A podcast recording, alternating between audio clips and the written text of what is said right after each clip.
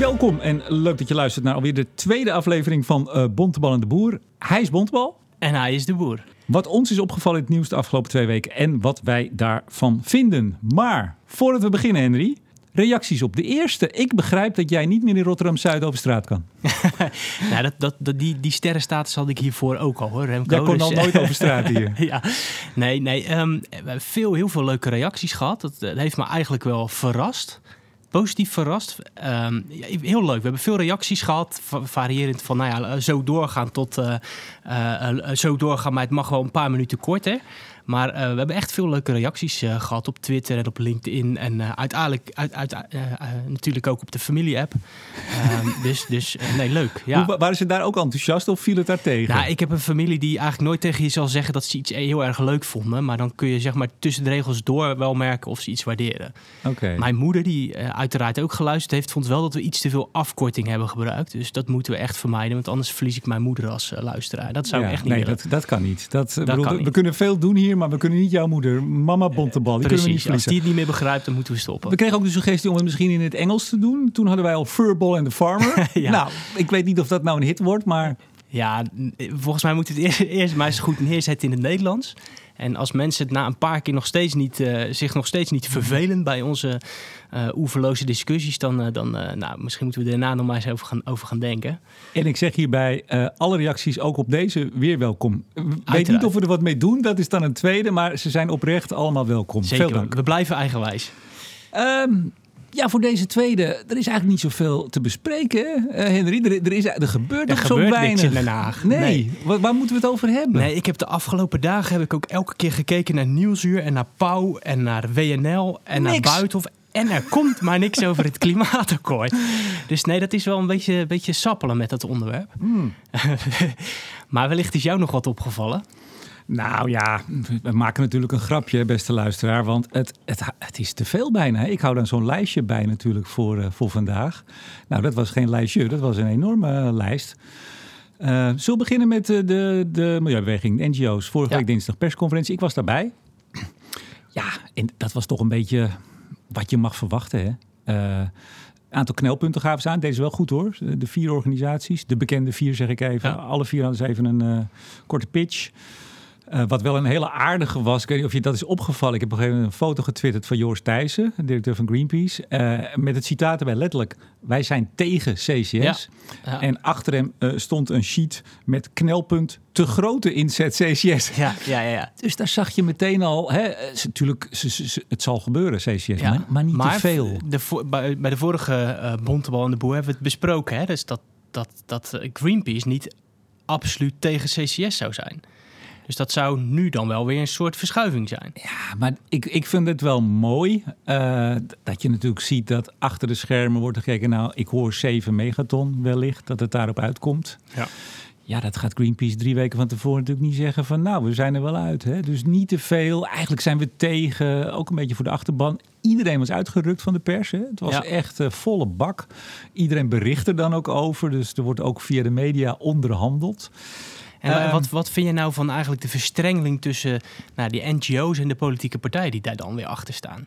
Het is ook altijd een soort tweeling. Hè? Dus als, als de NGO's wat roepen, dan is er altijd wel een politieke partij die dat dan helemaal oppakt. Alsof er niet meer zelfstandig nagedacht kan worden. Nee, zi- gebeurt het ook niet aan de industriekant met VVD en CDA? Eh, ja, maar dat is natuurlijk hetzelfde bezwaar dan.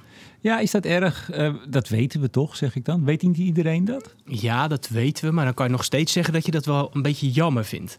Dan krijg je van, nog steeds van die klassieke scheidslijn hè, tussen een GroenLinks en Partij van de Dieren die dan voor het milieu opkomen. En een andere partij die dan weer voor de auto rijden of voor de industrie opkomen. Ik dacht dat je zegt voor de ouderen opkomt, want die hebben we ook. Die hebben we ook nog, ja. Nee, maar dat, dat zou je misschien juist willen doorbreken. Liefst. Ja. Nou, we hadden natuurlijk eh, eh, gisteren meneer De Boer, mijn naamgenoot. Ja. Geen familie, zeg ik er altijd maar snel bij. Hans De Boer, VNO, die toch ook even in de bus blies, zoals dat heet. Vorige Ja. week hun 10 punten brief. Heb je die gelezen? Ik heb hem gescand. Gescand. Je hebt op een plaat gelegd goed- en op een knop gedrukt. Nou, de- die- we hebben, we, je hebt het er wel eens over rapporten smijten gehad. Ehm, en de afgelopen dagen zijn er natuurlijk net zoveel eh, rapporten weer verschenen als dat daar uitzendingen zijn geweest. Op een gegeven moment hou je de tel ook niet bij. Ik heb op mijn computer een map met, en dat, dat heet serieus nog te lezen rapporten. En daar staan er op dit moment, ik dacht 228 in of zo. Dus eh, ik heb nog wel even wat te doen in de kerstvakantie. Is dat niet gewoon een moment van weggooien, zou ik dan zeggen? Ja, voor een deel wel. Maar dus sommige rapporten wil je natuurlijk wel tot je nemen. En, en, en er staan ja, goede inzichten in. Dus Misschien na je pensioen. na, na mijn pensioen. Maar wat vond jij zelf van dat, van dat interview met, eh, met de boer? Ja, het was natuurlijk opvallend dat het zo kort. groot nieuws werd. Hè? Ja? Ehm, eh, ja, wat vond ik daarvan? Het, het werd me gisteren ook bij BNR, want eh, BNR besteedde veel aandacht aan, werd het me ook gevraagd. Eh, kijk, ik, ik probeer natuurlijk, dat moet ik toch even uitleggen voor de luisteraar. Hoe ga ik iedere week zo die gesprekken in? Want ik zit met iedereen. Dat is natuurlijk hartstikke mooi. Ja. Ben van Beurden, Marjan Minnesma, Joris Wijnhoven, aan, aan alle kanten van het spectrum. En ik probeer eigenlijk altijd vooral zo goed mogelijk mensen hun verhaal te laten doen. En daar wat aanscherping bij te plegen. En als ik erin zit in het interview, heb ik ook vaak niet zo'n heel goed beeld. Dat klinkt misschien een beetje gek. Ik kreeg een beetje het idee dat, dat de boer een, beetje, een klein beetje humeurig was. Je bedoelt Hans de Boer. Hans de boer, ja. Dat moet je nu wel nou, ja, ja, dat moet je wel zeggen. Ja, nee, maar dat, dat, dat een beetje, beetje, beetje korzelig. Alsof hij zich te groot voelde om... bij Studio Eh, gewoon- Energie aan, aan te ja, of gewoon om gewoon moeilijke vragen te beantwoorden. Nee, dat, dat nee, gevoel dat gaf daar mij een beetje. Oké, dat, nou, dat, volgens mij was dat niet zo. Hij zat vanochtend bij uh, Guylaine Plag. Ja. Ik moet nu zeggen gisterochtend, want we zetten dit donderdag online. Het is nu woensdag. We zitten hier op het mooie Steningkantoor in Rotterdam. Ehm, nee, volgens mij is hij wel zo. Ja, die mannen en vrouwen op dat niveau hebben wel een enorm druk schema. Hè? Ja. Dus die vliegt van het een naar het ander. Nou is de boer volgens mij niet echt een ontzettend lachenbekje.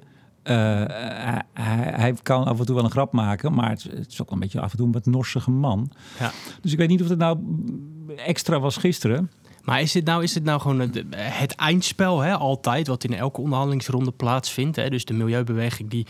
Die, eh, die, die, die, nou, het, het eind van de onderhandelingen is het natuurlijk vaker dat de mil- de milieubeweging de kont in de krip gooit. En nu doet VNO-NCW dat ook.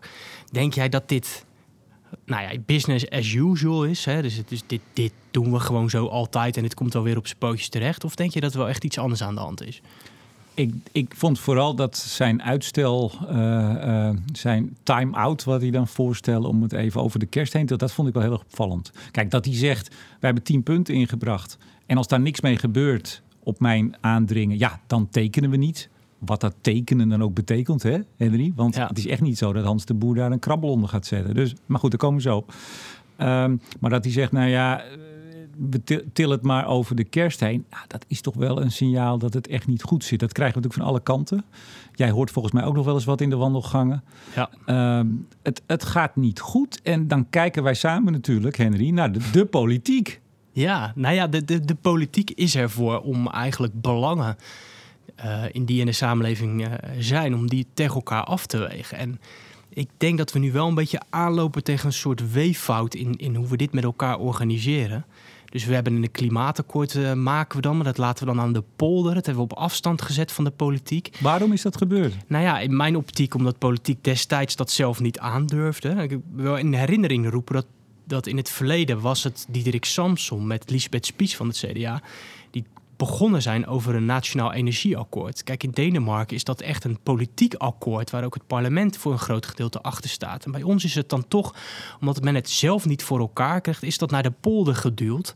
En nu begint het denk ik echt spannend te worden. En de maatregelen gaan ook ingrijpen. Ingrijpen in de portemonnee, ingrijpen in hoe de economie is en hoe we die inrichten, ja, dan wordt het lastig en dan komen ook al die belangen bovendrijven. En ja, ik denk dat de politiek nu wel begint te denken van ja, eh, hadden we dat nou wel op afstand moeten zetten? Moeten we niet toch meer ingrijpen? Aan de andere kant ligt er een regeerakkoord wat hen voor vier jaar bindt. Dus dat geeft weinig speelruimte. Waar Rob Jette eh, in trouw gisteren eh, zich weinig aan gelegen leek te laten liggen.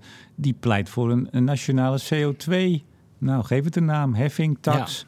Ja. Totaal niet afgesproken in het regeerakkoord. Dus het lijkt of iedereen zich ook vrij voelt om gewoon lekker eh, te roepen en te schieten. Ja, en dat is natuurlijk wel, ook wel weer raar, omdat ze tegelijkertijd een regeerakkoord hebben afgesproken. En als het puntje bij paaltje komt, houden ze zich tot op heden daar elke keer aan. Dus het lijkt wel alsof ze zich enerzijds willen houden aan dat wat ze hebben afgesproken. Aan de andere kant hebben ze een soort, een soort ruimte nodig om zichzelf ook te profileren. Ehm, en en ja, dat is denk ik ook de moeilijkheid van de manier waarop wij met dit soort grote vraagstukken omgaan. We zetten onszelf via vast in een regeerakkoord. Ja, en dan gaat het knellen en hebben we niet meer de flexibiliteit om, om uh, ja, mee te bewegen wat er op dat moment gebeurt. En ik denk echt dat we, misschien moeten we gewoon ook echt stoppen met van die dichtgetimmerde regeerakkoorden voor een langere periode. Want het fnuikt denk ik echt ja, de manier waarop we energiebeleid uh, op dit moment Maar je zag misschien ook de, de peiling zondag van Maurice de Hond. Even voor wat die waard is. Maar goed, laten we hem even in zijn... Hè, als je de hond volgt, dan zal het wel ongeveer uh, in lijn zijn met zijn vorige peilingen. Nou ja, waar we vorige keer zaten bij de formatie of bij de gesprekken daarover, toen leek het al heel lastig. Het wordt nog veel lastiger. We krijgen straks zes, zes partijkabinetten wellicht. Ja. Dan moet je toch wel met een uh, dichtgetimmerd regeerakkoord, anders vertrouwt niemand elkaar meer. Ja, dus ik weet ook niet niet meteen hoe je dat dan wel oplost. Dus dat, is, dat, dat maakt het ontzettend moeilijk. Aan de andere kant denk ik ook wel weer. Maar misschien denk ik dan te simpel. Het zijn toch allemaal volwassen mannen en vrouwen die uh, ja, ook wel in staat moeten zijn om, om iets van een band met elkaar te krijgen en elkaar te respecteren op, op dat waar ze het. Maar dat uh, gebeurt toch, dat, dat is toch wel zo? Ja, dat, dat weet ik niet. Ik, dan, dan zou je er toch ook wel, wel uitkomen, denk ik. Ach, Kijk, jij, wat... jij bent ook, ik vind jou soms zo bijna lief naïef. Mag ik dat ja, zeggen? Ja, ja, dat mag, maar dat blijf ik ook graag. Dat is een soort vertrouwen in de mens uh, misschien. Ja. Over vertrouwen gesproken. Um, we kunnen het waarschijnlijk iedere, in iedere aflevering van Bontewal de Boer over jouw groot politiek leider uh, Siebrand uh, Buma hebben. Die zat zondag bij Buitenhof. Hoe vond je dat idee? Nou, ik, ik en, en dat is echt wat ik vind. Hè. Dus voordat de luisteraar maar gaat zeggen dat ik een soort spreekpop ben van het CDA. Fanboy noem je uh, altijd. Ja, uh, nee, ik denk oprecht um, dat hij echt een zorg ziet. Um, en dat is dat, dat um, ja, de rekening van die hele energietransitie uh, te, te, eenzijdig bij de burger wordt. De burger wordt neergelegd. En ik denk dat hij zich daar echt zorgen over maakt en dat hij ook echt probeert om ja, daar een oplossing voor te vinden. De moeilijkheid is natuurlijk dat hij onderdeel is van een kabinet, van een coalitie, uh, waar die maatregelen allemaal gewoon ook afgesproken zijn. Dus, dus, en, en wat ik zelf ook lastig vind, ik zou liever ook een hoopvol verhaal hebben. Dus niet alleen van we gaan die we moeten de lasten eerlijk verdelen en anders komt die burger straks in een, uh, in een, uh, in een in opstand. Hè? Dus een, een revolte à la Fortuin. Ik denk dat als we het energiebeleid op een, op een domme manier inrichten, dan, dan zou dat kunnen. Hè? Dan zou dat kunnen ontstaan. Maar ik denk, ja, er is ook een enorme kans om het uh, bij elkaar te pakken. Dus kies juist een beleid wat, wat sociale gerechtigheid um, combineert met, met, met duurzaamheid. Het kan gewoon. En ik mis heel erg, en dat is uh, ook buiten het CDA, ik mis heel erg de creativiteit in beleid. Missen we niet vooral dat, laat ik het dan zo zeggen, ik mis vooral het nemen van verantwoordelijkheid. Want gisteren bracht de NOS uh, het bericht zorgen over flink hogere energierekening, ook bij coalitiepartijen. Dat waren dan het CDA en de ChristenUnie. Dat is toch fascinerend, uh, Henry? Dus je bedenkt beleid. Nou, dat timmer je in elkaar. Dat gaat op een gegeven moment marcheren. Dan zie je de effecten. De, de ode stijgt, hè, de, de opslag duurzame energie. Niet te veel afkorting, anders zijn we mama Bontebal kwijt. Ja, dat moeten we niet Opslag hebben. duurzame energie. Iedereen krijgt nu in deze weken zijn nieuwe termijnnota of zijn voorschot. Uh, wij, kan ik je zeggen, mijn vrouw en ik gaan er 25 euro per maand uh, meer aan betalen. En dan zegt CDA en ChristenUnie, en misschien de andere twee ook nog wel als je het ze vraagt. Ja, daar maken we ons toch wel een beetje zorgen over. Dat is toch ja, ik heb er bijna geen woorden. Ik moet netjes praten natuurlijk in deze podcast, maar dat kan toch gewoon niet? Maar hoe interpreteer jij dat dan? Ik dus interpreteer dat, ja, ik ga je er meteen beantwoorden. Dat, Angst. Na... Angst ja. en een, een, een afwezigheid van, van verantwoordelijkheid. Politici durven niet meer te gaan staan voor hun beleid. Ja, of, of dat, hè? Dus dat ze, dat ze, dat ze eigenlijk niet meer uh, staan voor de handtekening, om het maar te zeggen. Of dat ze het misschien ook niet helemaal door hadden toen ze zo'n akkoord maakten. Ja, dus dat het toch een soort papieren exercitie is waarin het planbureau voor de leefomgeving met allemaal tabelletjes en maatregelen en nou ja, dan tekenen we wat en dat zal ongeveer wel goed zijn. En dat men nu pas beseft waar men een handtekening en, en onder het vorige kabinet heeft minister Kamp meermaals naar de Kamer een heel mooi overzichtje gestuurd wat die ode-opslag zou betekenen. Ja. En daar stond keurig voor de bakker uh, voor een uh, energie of voor een uh, industrie, industrieel bedrijf, voor de burger. Het stond keurig uitgezet wat dat per jaar ging kosten. En ik heb daar toen al vaker over getwitterd, want het begon op een tientje in 2013. Ja. We zitten nu op de 200 ongeveer. We gaan naar de 200 of misschien al iets erover. Dat, dat heeft iedereen, zelfs Kamerleden, die snel moeten lezen en heel veel dossiers hebben, hebben dat allemaal geweten. En dan nu zeggen, nou dan maken we ons toch wel zorgen over.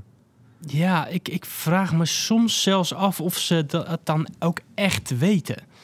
Eh, Maar, Ja, maar wat, wat weten ze dan niet? nou ja, ik denk, ik denk dat ze gewoon niet altijd beseffen ook wa- dat- wa- wat ze, waar, waar ze precies eh, voor tekenen. Maar Dat- kun, dat- kun jij ruimte maken in je hoofd voor de mogelijkheid dat ze dat heel goed weten en dat op het moment dat de rekening gepresenteerd wordt en iemand zegt wat vindt u daar nou van, dat ze niet zeggen ja. Dat is ons beleid. En dat is heel goed, want we Ik dat compenseren dat, in Precies. de inkomstenbelasting. En we geven zo een prikkel om meer te. Hè, u kunt nu gaan geld besparen als u gaat isoleren. Daar ga ik voor staan. Ja, nou, ik zou, kijk, in mijn beeld van hoe een politiek eh, leider of een, of, een, of een gewaardeerde politicus, hoe die zich opstelt, dan zou dat zijn. Hè? Dus, dus dat je gewoon verantwoordelijkheid neemt voor de maatregelen die je hebt opgeschreven. En dat je het ook uitlegt. Hè? Dus dat je zegt, ja, die heffingskorting in de energiebelasting, die gaat een beetje omlaag, maar dat compenseer- compenseren we via de inkomstenbelasting enzovoorts. Dus ik, dat begrijp ik ook van de huidige, hu- huidige discussie niet, dat, dat ze dat niet, ook niet uitleggen. Dat ze niet zeggen van, oké, maar we hebben een pakket van lastenverlichting bedacht. Dit is dan even vervelend, maar dat krijg je gecompenseerd op een andere manier. Dat wordt soms. eh, eh, Wiebes die zegt het. Ik heb het Rutte ook wel eens horen zeggen. Maar e- even, vra- jij zit al heel lang ook in, in Den Haag. En jij, jij hoort nog wel eens wat in het CDA. Dit is toch een hele domme actie. Ik bedoel, je snapt natuurlijk wel dat ook al als, het nou 300, als jij 300 euro per jaar meer gaat betalen, dat zie je op je rekening. Die 25 euro per maand. En als jij bijstandsmoeder bent en je weet niet hoe je het volgende schoolreisje moet betalen of de trui van je dochter, dan is dat een groot probleem. Dat gaat er bij mensen toch niet in Nou, dat ik- ze 300 euro aan het eind van het jaar wel weer. Nou, ik recht denk inderdaad dat dat krijgen. funest is. Maar waarom doet de politiek dit? Dat Ja, hadden we toch ook de algemene middelen kunnen ik, halen? Nou ja, ik denk dat ze te weinig creatief zijn. Dus, dus, eh, en, en zich te, laten, te veel laten gezeggen door wat er uit het ministerie komt. En welke ruimte zo'n ministerie biedt. Dus als het ministerie zegt, we gaan niet aan de opslag duurzame energie. Zeg maar de component op de energiebelasting of op de energierekening waar we de, de subsidiëring van duurzame energie uitbetalen. Ehm, eh, ja, die kan je op een hele andere manier bijvoorbeeld eh, versleutelen. Kijk, als, als een ministerie bijvoorbeeld al zegt, daar gaan we niet aan zitten. Ja, dan kun je als Kamerlid daarin voegen. Of je kan zeggen, ja, ik ga bij de begrotingsbehandeling ehm, ehm, daar toch gewoon een punt van maken. En ik begrijp ook niet waarom dat niet gebeurt. Ik heb daar zelf een column over geschreven. De opslag duurzame energie. Ja, dat is een, bedrag wat we dan via de energierekening bij de burger binnenhalen. ja, je kunt natuurlijk ook zeggen, dat doen we niet zo. We gaan gewoon de BTW met 1% omhoog gooien. Dan hou je, ik geloof, iets van 2,3 miljard extra binnen. Maar het idee van die ode was wel inderdaad, het moest zichtbaar zijn. Het was hartstikke mooi. We gingen betalen voor duurzame energie. We gingen die, trans- ja, je lacht al. We gingen die transitie in. En het was prachtig dat de burger kon zien op zijn rekening dat hij daaraan bijdroeg. Maar het slaat nu natuurlijk totaal om. Ja, en dat had je ook aanzien komen. Dus ik begrijp ook niet zo goed waarom men dat argument destijds Ja, maar jij gebruikte. zegt steeds, ik begrijp niet zo goed. Maar jij bent een hele slimme man. Je hebt daar wel een idee over. Ja, dan kom ik misschien met een hele flauwe, flauwe oplossing. Ik denk bijvoorbeeld dat het belangrijk zou zijn om wat meer beta's in de politiek te hebben. Dat heb ik nog nooit van jou gehoord deze. Nee, is, dan zeg ik het nog maar een keer. Ik denk dat het goed is als er meer beta's in de politiek komen. Nou, maar ik, ik denk wel dat daar een, een, een, een, ehm, een, een klein deel van de oplossing in zit. De energietransitie is zo'n complex vraagstuk. Ehm, ik denk wel echt dat je verschillende type mensen in een Tweede Kamer nodig hebt. En ik denk echt niet dat het alleen maar beta's moeten zijn. Ik denk dat je dan hele rare debatten krijgt. Dus we hebben juristen, bestuurskundigen, we hebben alles nodig. Maar dat er nu maar een hele enkele beta in de Kamer zit... die ook echt gewoon begrijpt wat het verschil is tussen een kilowatt en een kilowattuur... en hoe een heel, een heel energiesysteem in elkaar zit. Maar Henry, dit, dit gaat toch gewoon over politiek. Dit gaat over populisme. Eh, wijs mij nog een politicus aan op dit moment die geen populist, populistische neiging heeft. Laat ik het nog ietsje voorzichtig zeggen. Dat, gaat, dat staat toch los van of je een beta bent of een alfa of een gamma. Nou, ik, de- ik denk wel dat, dat, ehm, dat kennis van zaken meebrengen als je naar de Tweede Kamer gaat, dat dat wel heel erg belangrijk is. Maar- ik denk dat je een betere zorgwoordvoerder bent als jij een tijdje zelf met die sector te maken hebt gehad. En ja, maar de, bel- de- het, het, het, spel, het politieke spel is natuurlijk veel breder. Ik ben het helemaal met je eens dat je natuurlijk eh, eh, kennis moet hebben. Nou, laat ik hem je anders zeggen. Eh Thierry Baudet staat nu op 16 of 18 zetels. Samen met de PVV 34 zetels bij, Ja. de, bij de laatste peiling. Ehm, je zou kunnen zeggen uh, dat alle factchecks die op zijn uitspraak worden losgelaten uh, geen doel treffen, want zijn aanhang groeit alleen maar. Hoe ga je daar met je kennis en, en van de kilowattuurtjes ga je dat ja, pareren? nu nu kom je natuurlijk wel op een hele lastige, hele grote discussie. Waarvan ik me afvraag of wij die in, die in Bontebal en de Boer gaan uh, beslechten. Dat nee, maar dat is wel wat hieronder ligt. Ja, maar ja, dat is natuurlijk ook. Daar zit heel veel trends, zeg maar. Van ja, de, de, nou, één trend die ik bijvoorbeeld bijna beangstigend vind, is. is, is is dat waarheid er vaak niet meer toe doet. Hè? Dus vroeger had je mensen waar je het mee oneens was. Maar dan kon je altijd nog zeggen: we hebben een common ground. Waar, dat iets waar is, een uitspraak vinden we belangrijk. Ja, dat zie je dat dat nu losgelaten wordt. Hè? Dus een, een, een, Trump is daar natuurlijk het icoon van. Je kunt dingen blijven zeggen waarvan je weet dat ze onwaar zijn.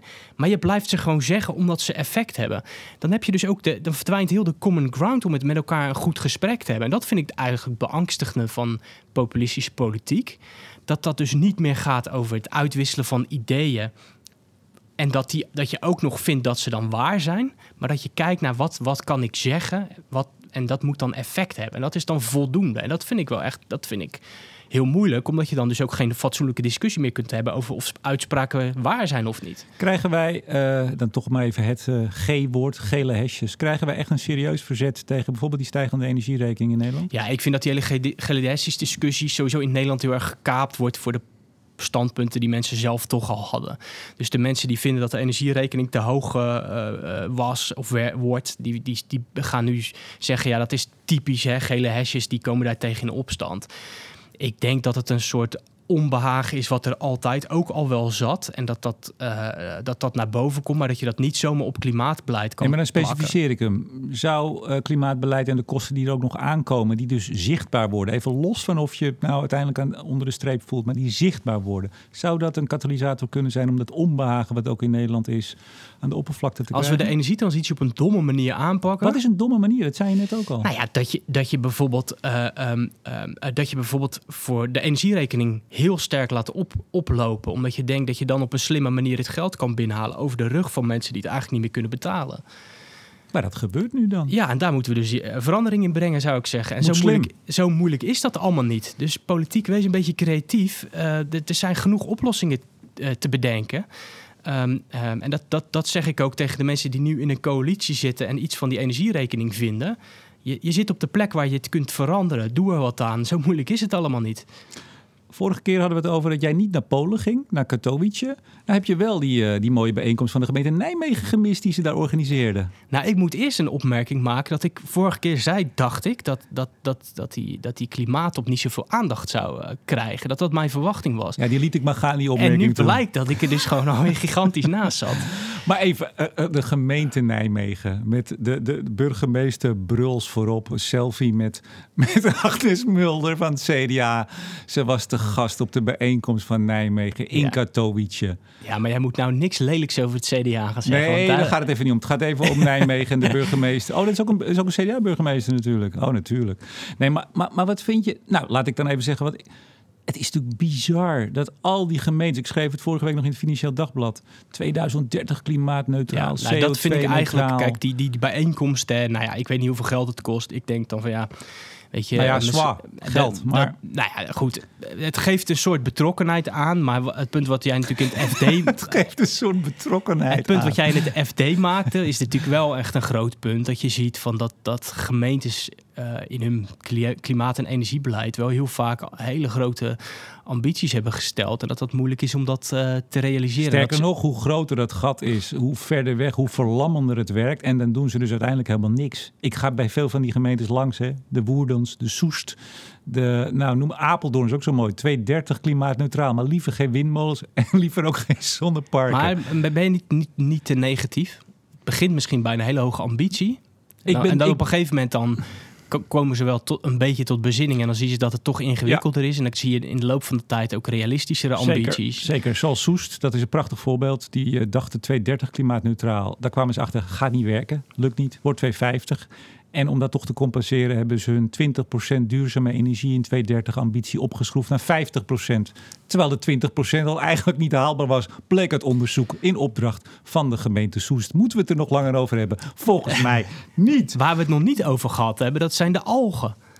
Ja, nou Want kijk, ik, dat... ik heb dat wel. Ik, heb, ik, heb, ik zit me al zo lang af te vragen: gebeurt er eigenlijk wel iets met onderzoek aan algen? Nou, dat is leuk dat je dat zegt, Henry. Eh, en er is namelijk een bedrijf uh, dat doet dat. Uh, die hebben daar, zeggen ze, al een kwart miljard in geïnvesteerd. Dat bedrijf heet Exxon. Kijk.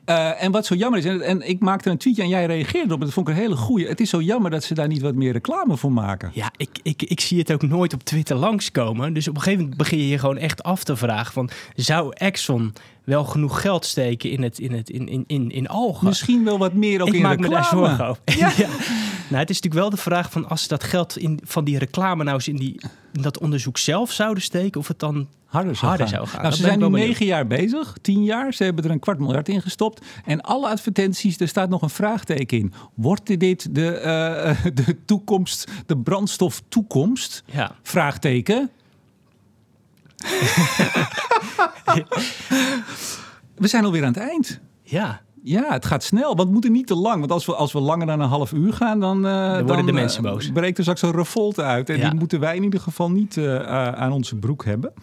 Heb jij nog een slotwoord misschien voor, de, voor je moeder of voor anderen? Nee, nee, nee. Ik wil niemand bedanken. Dus dat zal ik hier niet doen. Nou, misschien één uitsmijter over, uh, over wat op ons lijstje nog Schiphol staan. Nou, die discussie gaan we niet nu helemaal doen. Ja, je krijgt een minuut van me. Ik vind het wel... De, de, de, de transitie naar een duurzame economie wordt nu veel spannender. Hè? Kijk, het, het, het, en ik vind Schiphol en, en sowieso luchtvaart vind ik wel een mooi issue. Omdat ik daarvan denk, dan gaat het echt spannen. Zien we verduurzaming iets als we erbij kunnen doen.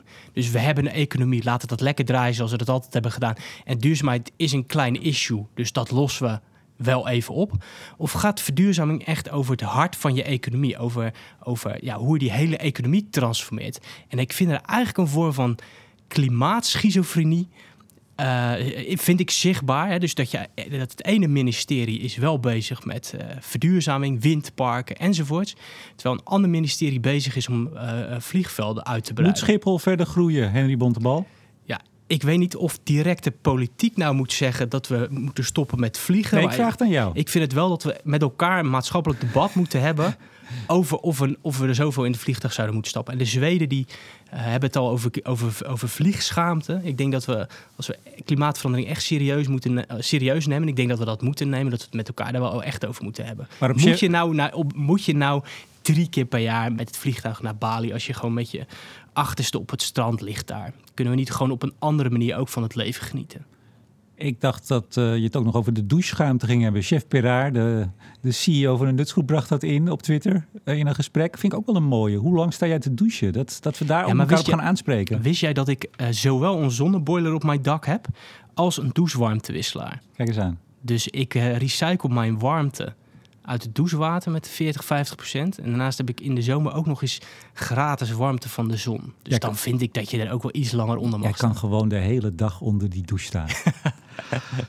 Tot zover deze aflevering van Bontebal en de Boer. Hij is Bontebal. En hij is de boer. Tot de volgende keer. Dag.